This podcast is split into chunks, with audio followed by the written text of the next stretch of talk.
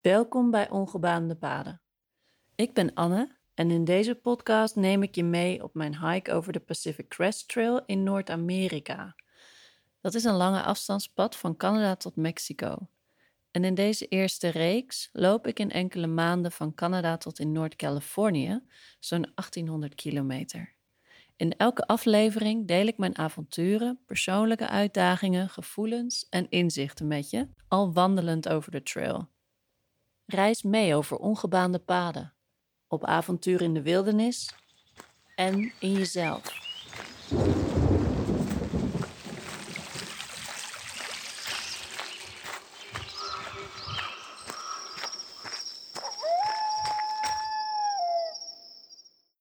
Eindelijk zijn we dan aanbeland bij mijn allerlaatste week op de Pacific Crest Trail. Sterker nog, ik heb nog een paar kostbare dagen te gaan tot ik mijn eindstation Mount Shasta bereik. En dat maakte nog wel even wat bij me los. Omdat ik al een tijdje nauwelijks nog iemand tegenkwam, had ik me nog dieper in mijn omgeving ondergedompeld en kwam het eigenlijk nauwelijks nog in me op om opnames van mijn ervaringen te maken. Totdat ik contact had met een van mijn beste vriendinnen en ik erachter kwam dat zij al die tijd al op afstand als enthousiast publiek aan de zijlijn had zitten juichen. Ineens ontdekte ik dat ik dit niet echt in mijn eentje deed. En ik ontdekte het plezier van voice messages. Wat heerlijk om eindelijk mijn zielenroerselen uit dit gekke parallele universum te kunnen delen en te weten dat er aan de andere kant iemand zat mee te luisteren. Tja, wist ik veel. Ja, het is wel een mooi avontuur hoor. Ik ga, ik ga het toch nog ook even vooral over mezelf hebben. Want uh, ja, ik uh, ben er maar vol van. Want ik zit nu in mijn laatste week. Mijn laatste week on the trail. En daarna ga, nou ja, ja, dus ik, ik ga nu nog, uh, ik heb nog iets van vier dagen denk ik lopen. Als het langer is, dan ga ik honger lijden. Want ik heb maar voor vier dagen eten. Ik heb normaal gesproken altijd veel te veel eten. En nu dacht ik, ja, ik ga er niet uh, ongeluk sjouwen. Niet weer opnieuw. Als je meer sjouwt, dan heb je ook meer honger. Dus ja, dus ik uh, moet het in die vier dagen redden. Kan wel. Het is iets van 25 mijl per dag. Wat inmiddels voor mijn lijf goed te doen is. Dat is iets van, uh, wat zal het zijn? 38, 38 kilometer. Ik weet niet, zoiets. Keer 1,6, reken maar uit. En um, dan kom ik aan in Shasta. En Shasta, dat is een, uh, een stadje, maar het is ook een berg. Mount Shasta. En ik hoop dat ik die kan gaan beklimmen. Dat lijkt me nou een leuk eindpunt van mijn reis. Maar het is nogal een hoge berg, dus ik moet even uitzoeken of het mogelijk is om dat te doen zonder gids. Uh, op een veilige manier. Maar goed, dat uh, ga ik daar uitzoeken. En nu loop ik dus in North California. Dus ik ben Washington en Oregon doorkruist. En uh, ben nu al een paar dagen in North California. En het is weer heel anders. Dat is echt heel mooi dat je elke keer de landschappen weer ziet ver veranderen. En dat je daar gewoon door, door je ene voet door je, voor je andere voet zetten. Dat je dat allemaal ziet gebeuren. Dat is wel cool. En uh, dan ben ik dus in, in Shasta. Misschien, misschien ga ik een tatoeage zetten. Ik zou dat heel graag willen. Ik weet ook al wat, ga ik nog niet zeggen. Um, maar het hangt er even vanaf of, de, of ik een beetje een goed gevoel heb bij de tattoo shop en de artiesten daar. En uh, nou dan ga ik dan gewoon een beetje rondhangen en zo. En uh, dan heb ik mijn vliegtuig 13 september. vrijdag de 13e een mooie dag om te vliegen. Naar Vancouver. En daar is Iwan dan al. Die vliegt 10 september naar uh, Vancouver. Dus we hebben nog even samen tot de 24ste in Canada. Wat ik op dit moment nog heel moeilijk te bevatten vind. Omdat Ivan uh, wel een onderdeel hiervan is geweest. Een groot onderdeel. Maar wel op afstand. Het is een gek idee om hem dan weer te gaan zien.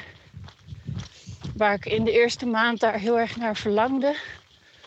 En het super fijn vond dat we ook in hetzelfde vliegtuig weer terug naar Nederland vliegen. Wat nog steeds wel een cool idee vind. Maar daar ben ik nu dus een beetje. Ja, het is allemaal wat. wat. Uh, ja, hoe zeg je dat? Afstandelijker. Uh, anders. Ja. Ik ben heel erg op mezelf. Um, en ik heb ja, veel meegemaakt wat ik nog niet met hem heb kunnen delen. Of wel gedaan of geprobeerd heb, maar dat lukt dan toch niet zo lekker over de telefoon. Um, maar bottom line is dat een groot deel van de reis ik heel vaak aan hem gedacht heb, omdat ik zo onder de indruk was van zijn zijn belangrijk onderdeel in mijn reis. Dat hij mij hiertoe echt gestimuleerd heeft. En dat is nog steeds heel veel waard voor mij. Anders was ik misschien wel helemaal niet gegaan. En uh, zoveel te vertellen. Zoveel dingen die bijzonder zijn en of normaal zijn. Wat dan gek is dat dat dan normaal is. Um, dus ja, oh ja, wat ik dus eigenlijk wil zeggen is deze week. Omdat ik nu me heel bewust ben van die laatste paar dagen.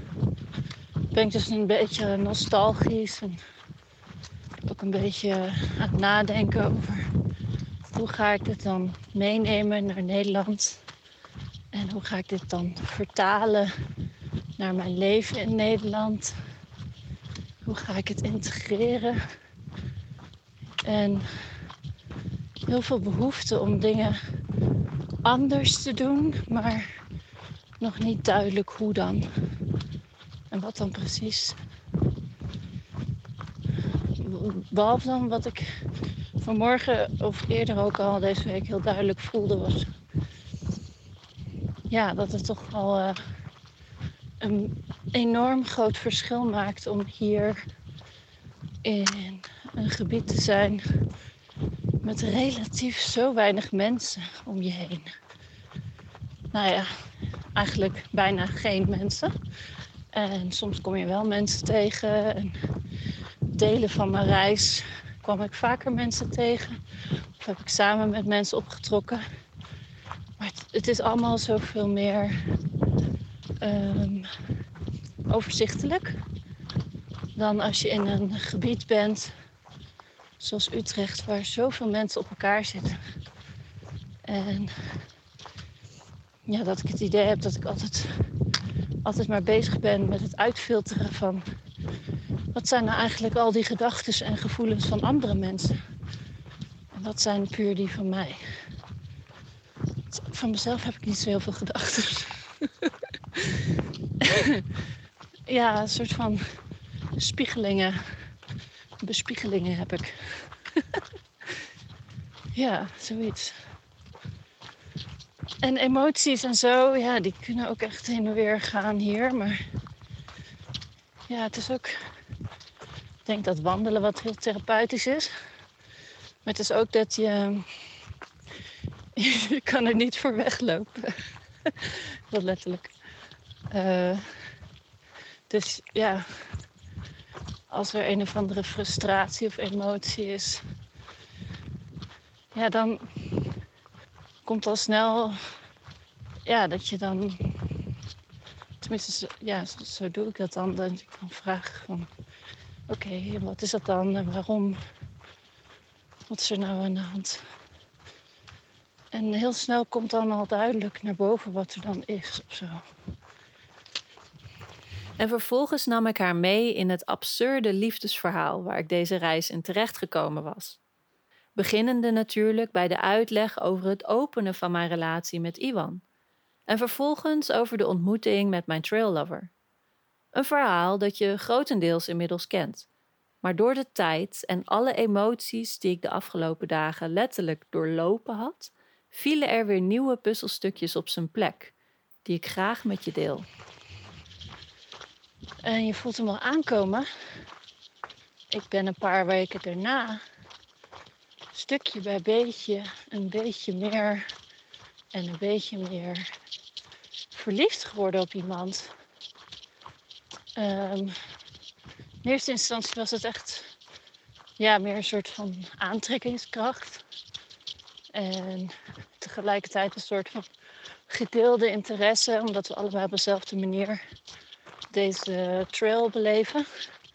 En ik daar gewoon graag met hem over wilde praten, omdat er eigenlijk bijna geen andere mensen waren die, die dat zo beleefden. En uh, na een tijdje samen opgetrokken, ook met andere mensen. Ja, dat was heel fijn. Leuk. Ik moet even een snelweg oversteken.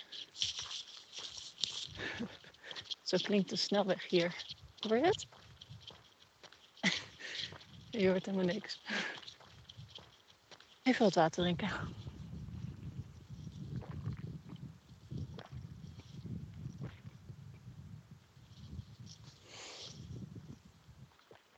Man, het is hier pokkenheet. Oké.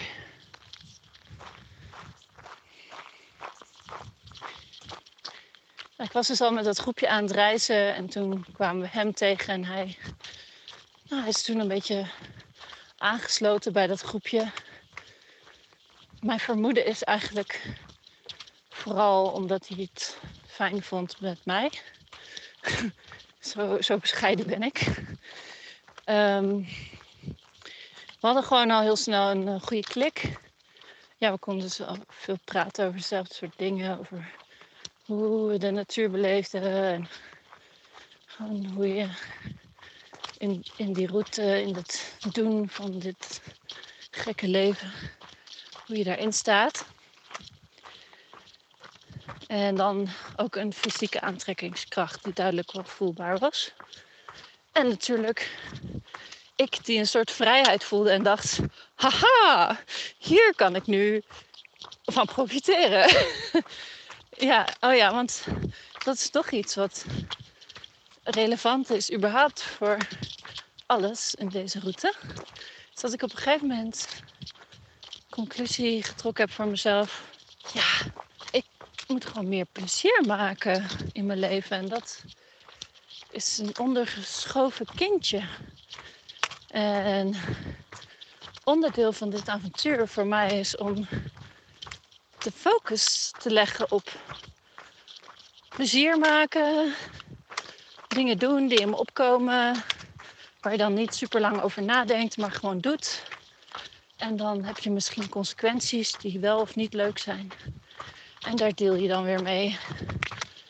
Dat is echt iets wat, wat ik meer mag doen.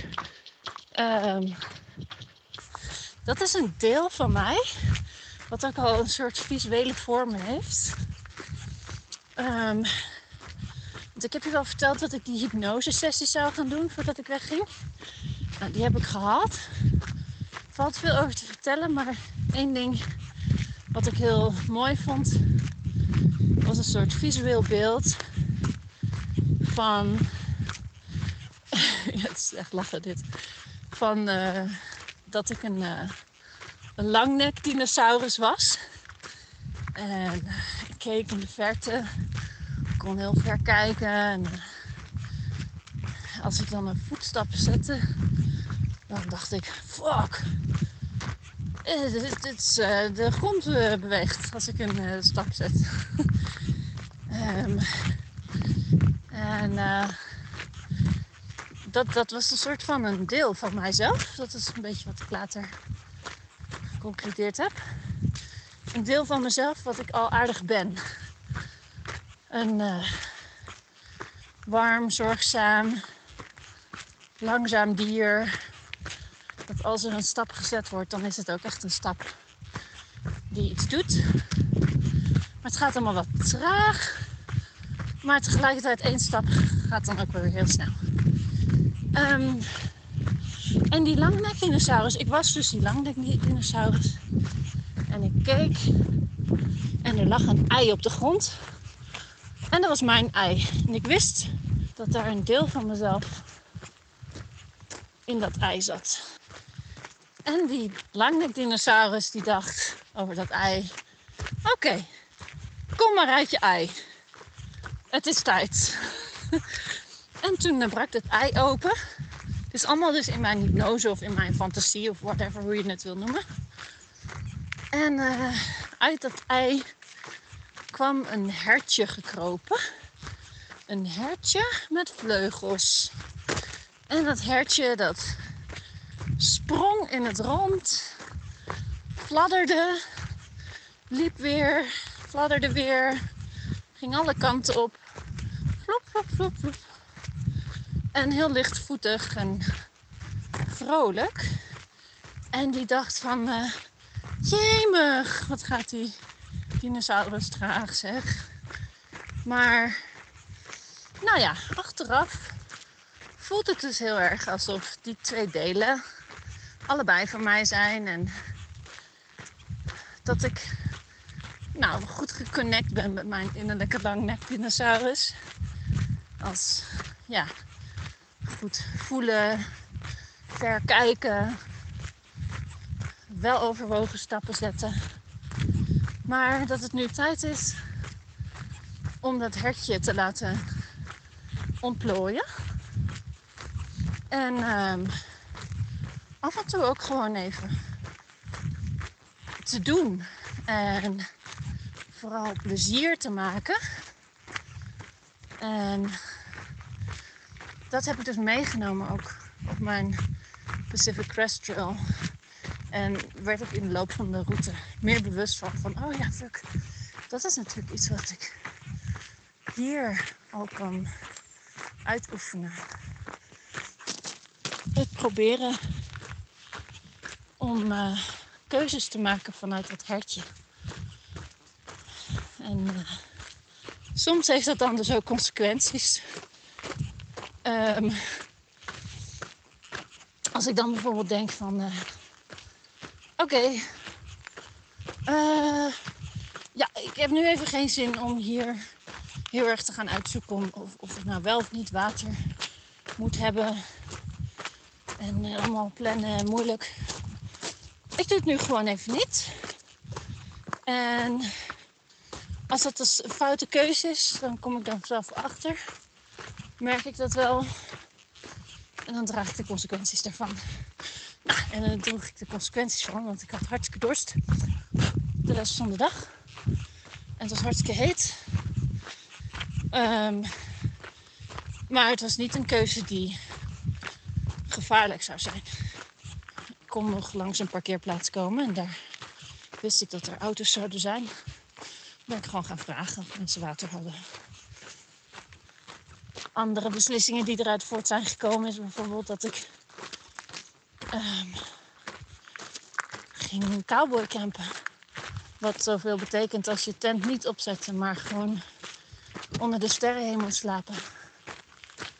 En dat in mijn eentje doen. En in het donker hiken. En allemaal dingen die een soort van vrolijk avontuur met zich meebrengen. Maar tegelijkertijd, ja, kan je er ook heel lang over nadenken van oké, is het wel of niet verstandig? Of wat zou er kunnen gebeuren? Maar um, ja, dit was dus ook een beetje onderdeel daarvan. Dat ik dacht van, ah, what the hell. Leuk. Plezier maken. Dus ik ging gewoon een beetje op de versiertour. Um, maar eigenlijk in mijn hoofd met het idee van... Oh leuk, dit is gewoon een soort sensueel experiment. En ja, dat, uh, dat idee had ik erbij. Maar het is een beetje uit de hand gelopen. En uh, ik weet niet precies, ik kan er niet alle, alle stappen in onderscheiden. Maar um, ja, we hebben na die eerste paar dagen dat we met elkaar en dus andere mensen ook uh, regelmatig samen kampeerden of samen pauzes hadden. Of soms zelfs samen liepen. Gewoon uh, ja, plezier gehad en heel fijn gepraat. En ja, ik denk dat mijn connectie met hem heel erg op het gevoelsniveau is. En hij is juist bij deze trail heel erg op zoek naar connectie met zijn eigen gevoel. Zijn gevoel meer de ruimte te geven. En ja, dat, dat connect dan natuurlijk precies met mij. Maar op een gegeven moment kwamen we in een stadje aan. En dat was een stadje halverwege de route. En iedereen bleef daar wel wat langer. En um, ik heb op een gegeven moment gewoon besloten: fuck it. Ik zeg gewoon dat ik hem leuk vind. En oeh, water. Ja, dat heb ik nodig. Oké, ik ga je weer even uitzetten. Oh, dit lijkt wel een soort biechtstoel zo. Oké, hier stopt even dit verhaal, want ik ga even water uit dit riviertje tappen. Ja, een soort biechtstoel. Maar dan wel een heel comfortabele met van die fluwelen kussentjes en thee met lekkere koekjes. Het deed me namelijk echt heel goed om te weten dat er iemand met me meeleefde in dat bizarre avontuur. En eigenlijk ben jij haar als het ware. En het idee dat ik mijn ik van toen, Tasty Fairy, dat ik haar nu zou kunnen vertellen dat niet alleen mijn vriendin, maar ook jij nog steeds meeluistert. Ik weet niet of ze dat zou kunnen bevatten, maar wie weet, misschien is dat wel een van de redenen dat ze in die intense alleenige week zich geen enkel moment eenzaam gevoeld heeft en zich eerder gedragen voelde te midden van al die emoties. En voor we verder gaan, wil ik je graag iets zeggen. Het betekent heel veel voor mij dat je mijn podcast Die Hard tot de laatste paar afleveringen beluisterd hebt. Dit zijn mijn persoonlijke zielenroerselen tijdens die dierbare wilderniservaring die nog steeds een enorme impact op mijn leven heeft. En ik hoop met mijn podcast zoveel mogelijk mensen te inspireren om ook hun eigen ongebaande paden te volgen. En op die manier de wereld te verrijken met vernieuwende creaties en prikkelende avonturen.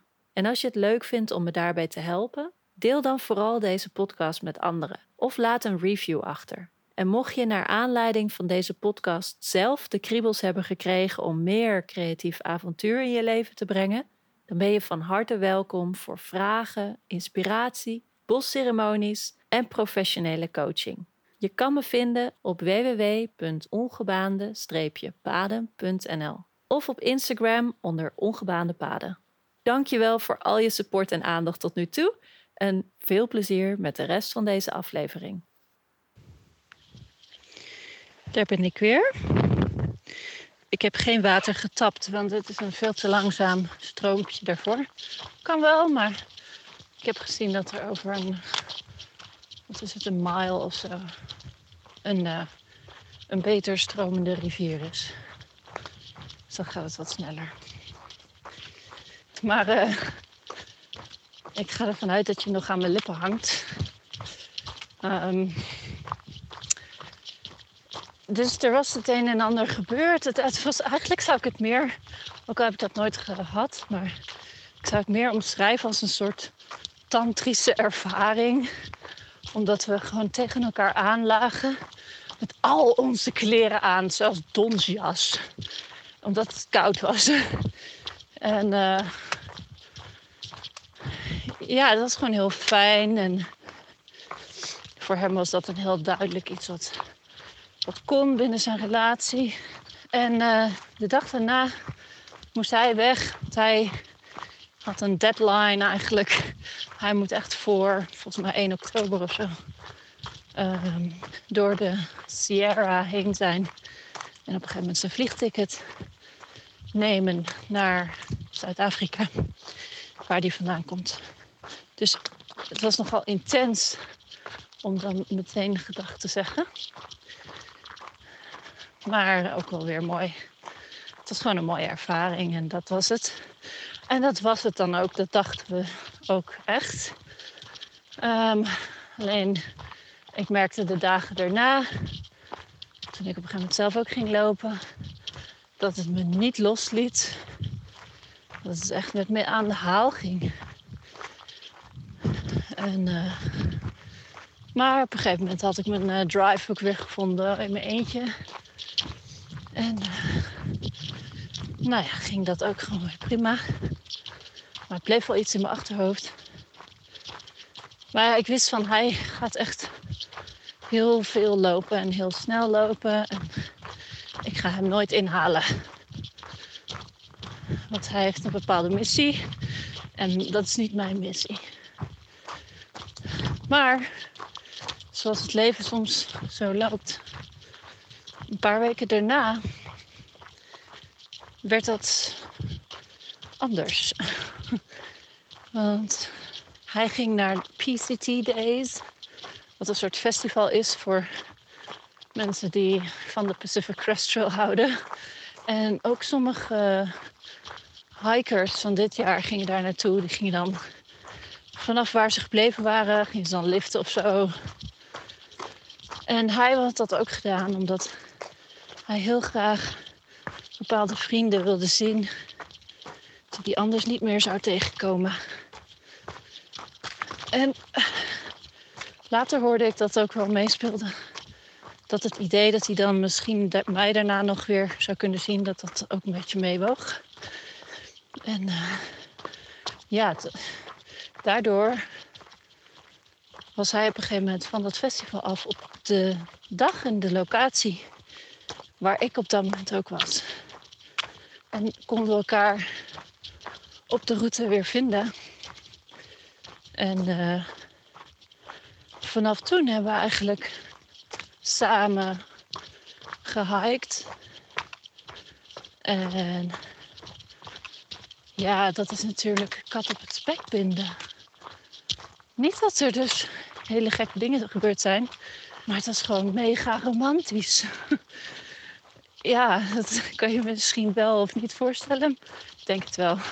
Als je met iemand onder de sterrenhemel ligt en dat is dan iemand die je ook al leuk vindt. En dan, ja, onder de sterrenhemel, ja, want we gingen dan niet in een tent slapen, maar gewoon onder de blote sterrenhemel, omdat het toch goed weer was. En uh, ja, je maakt dan allemaal dingen met elkaar mee. Dus in die periode is mijn gevoel echt een beetje, ja, uh, geëxplodeerd of zo. Ja, ik ben echt verliefd op hem geworden. Ja, en hij volgens mij ook op mij, althans volgens mij, ik weet dat inmiddels wel. Hij heeft dat ook wel gedeeld. Dus we zijn allebei enorm in de war. Um, vanwege dat we zomaar ineens iets voelen voor iemand anders dan onze partners. Wat niet eens een soort in plaats van is, maar ja, het is het is anders. Even omhoog gaan lopen.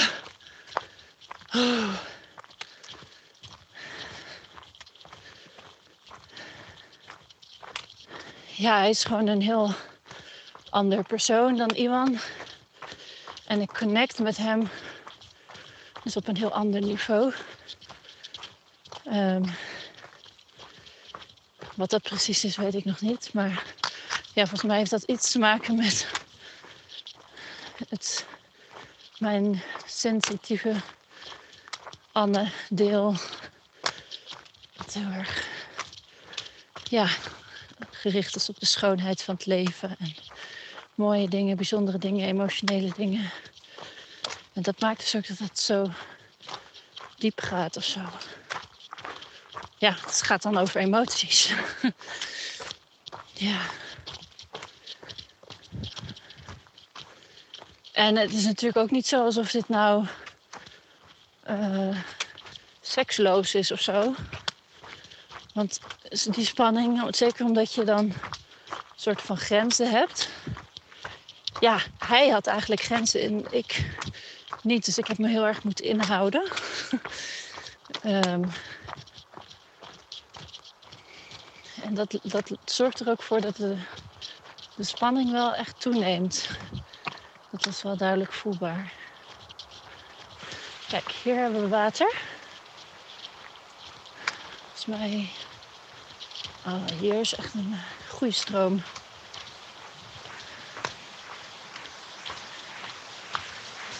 Ik zal dit deel maar even afmaken. Maar um, nou ja, nu uh, zijn we dus alweer een week of een halve week, ik weet niet, uh, alleen. Dus hij, ja, hij moet gewoon sneller lopen en ik, ik heb niet de zin en ik denk ook niet dat het goed voor me is om zoveel te lopen als dat hij doet. Um, hij loopt dus zo'n 55 kilometer, 56 kilometer per dag of zo. Dat is veel. ik heb op een gegeven moment één keer 50 kilometer gelopen. En dat vond ik heel cool om te doen. Maar niet iets om dagelijks te doen.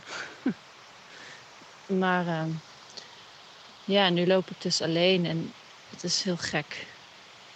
Heel gek omdat je aan de ene kant weet van nou, dit was een mooie herinnering. En dat is goed geweest en waarschijnlijk leer ik hier van alles van en kan ik dingen meenemen. Kan ik het er ook met iemand over hebben? Leren we hier misschien weer van in onze relatie? En aan de andere kant roept mijn hart: Nee, ik wil hem niet kwijt. ik wil hem weer zien. Vooral nu ik hier dan nog ben en hij eigenlijk heel dichtbij is. Hij is iets van één of twee dagen lopen voor mij uit. En dan denk ik weer van nee, dat mag je niet denken, dat mag je niet voelen. Dan denk ik weer, ja, tuurlijk mag ik dat wel denken en voelen, maar dit is gewoon complex. Wat moet ik hiermee? Ja. Nou, dat, dat is dus. Uh, dat is nou iets wat leuk is om met jou te delen. ik heb geen idee wat jij hiervan bereidt. Of je er iets mee. Uh, ja, of je het kan snappen ook. Want ja, ik zit natuurlijk in een soort ander universum waarin dingen normaal worden of zo. Ja, ik kan me ook voorstellen dat je misschien uh, gek, gek vindt. Um, maar aan de andere kant weet ik dat jij van mij houdt en dat je, dat je mijn gekke dingen ook accepteert. Maar ja, bijzonder is het wel. Dus uh, geen idee waar dit naartoe gaat, maar ja, het leven is wel mooi. ik vind het wel leuk dat, dat ik zo verrast kan worden door zoiets. Oké, ik ga er even een eind aan breien. Dank je voor het luisteren. En opgelucht liep ik weer verder, om met open ogen die rollercoaster weer in te duiken, die nog wel een paar keer over de kop zou gaan die week. En in de volgende aflevering hoor je me vertellen als ik licht manisch weer uit zo'n dalletje geklommen kom. Je luisterde naar de Ongebaande Paden podcast met Anne Mato, creatief psycholoog, idealist en kunstenaar.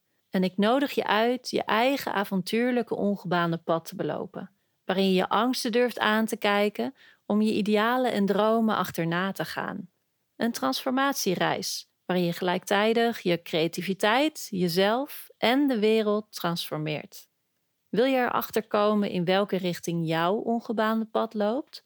Download dan gratis mijn innerlijke reisleider visualisatie op www.ongebaande-paden.nl. Reis mee over ongebaande paden, op avontuur in de wildernis en in jezelf.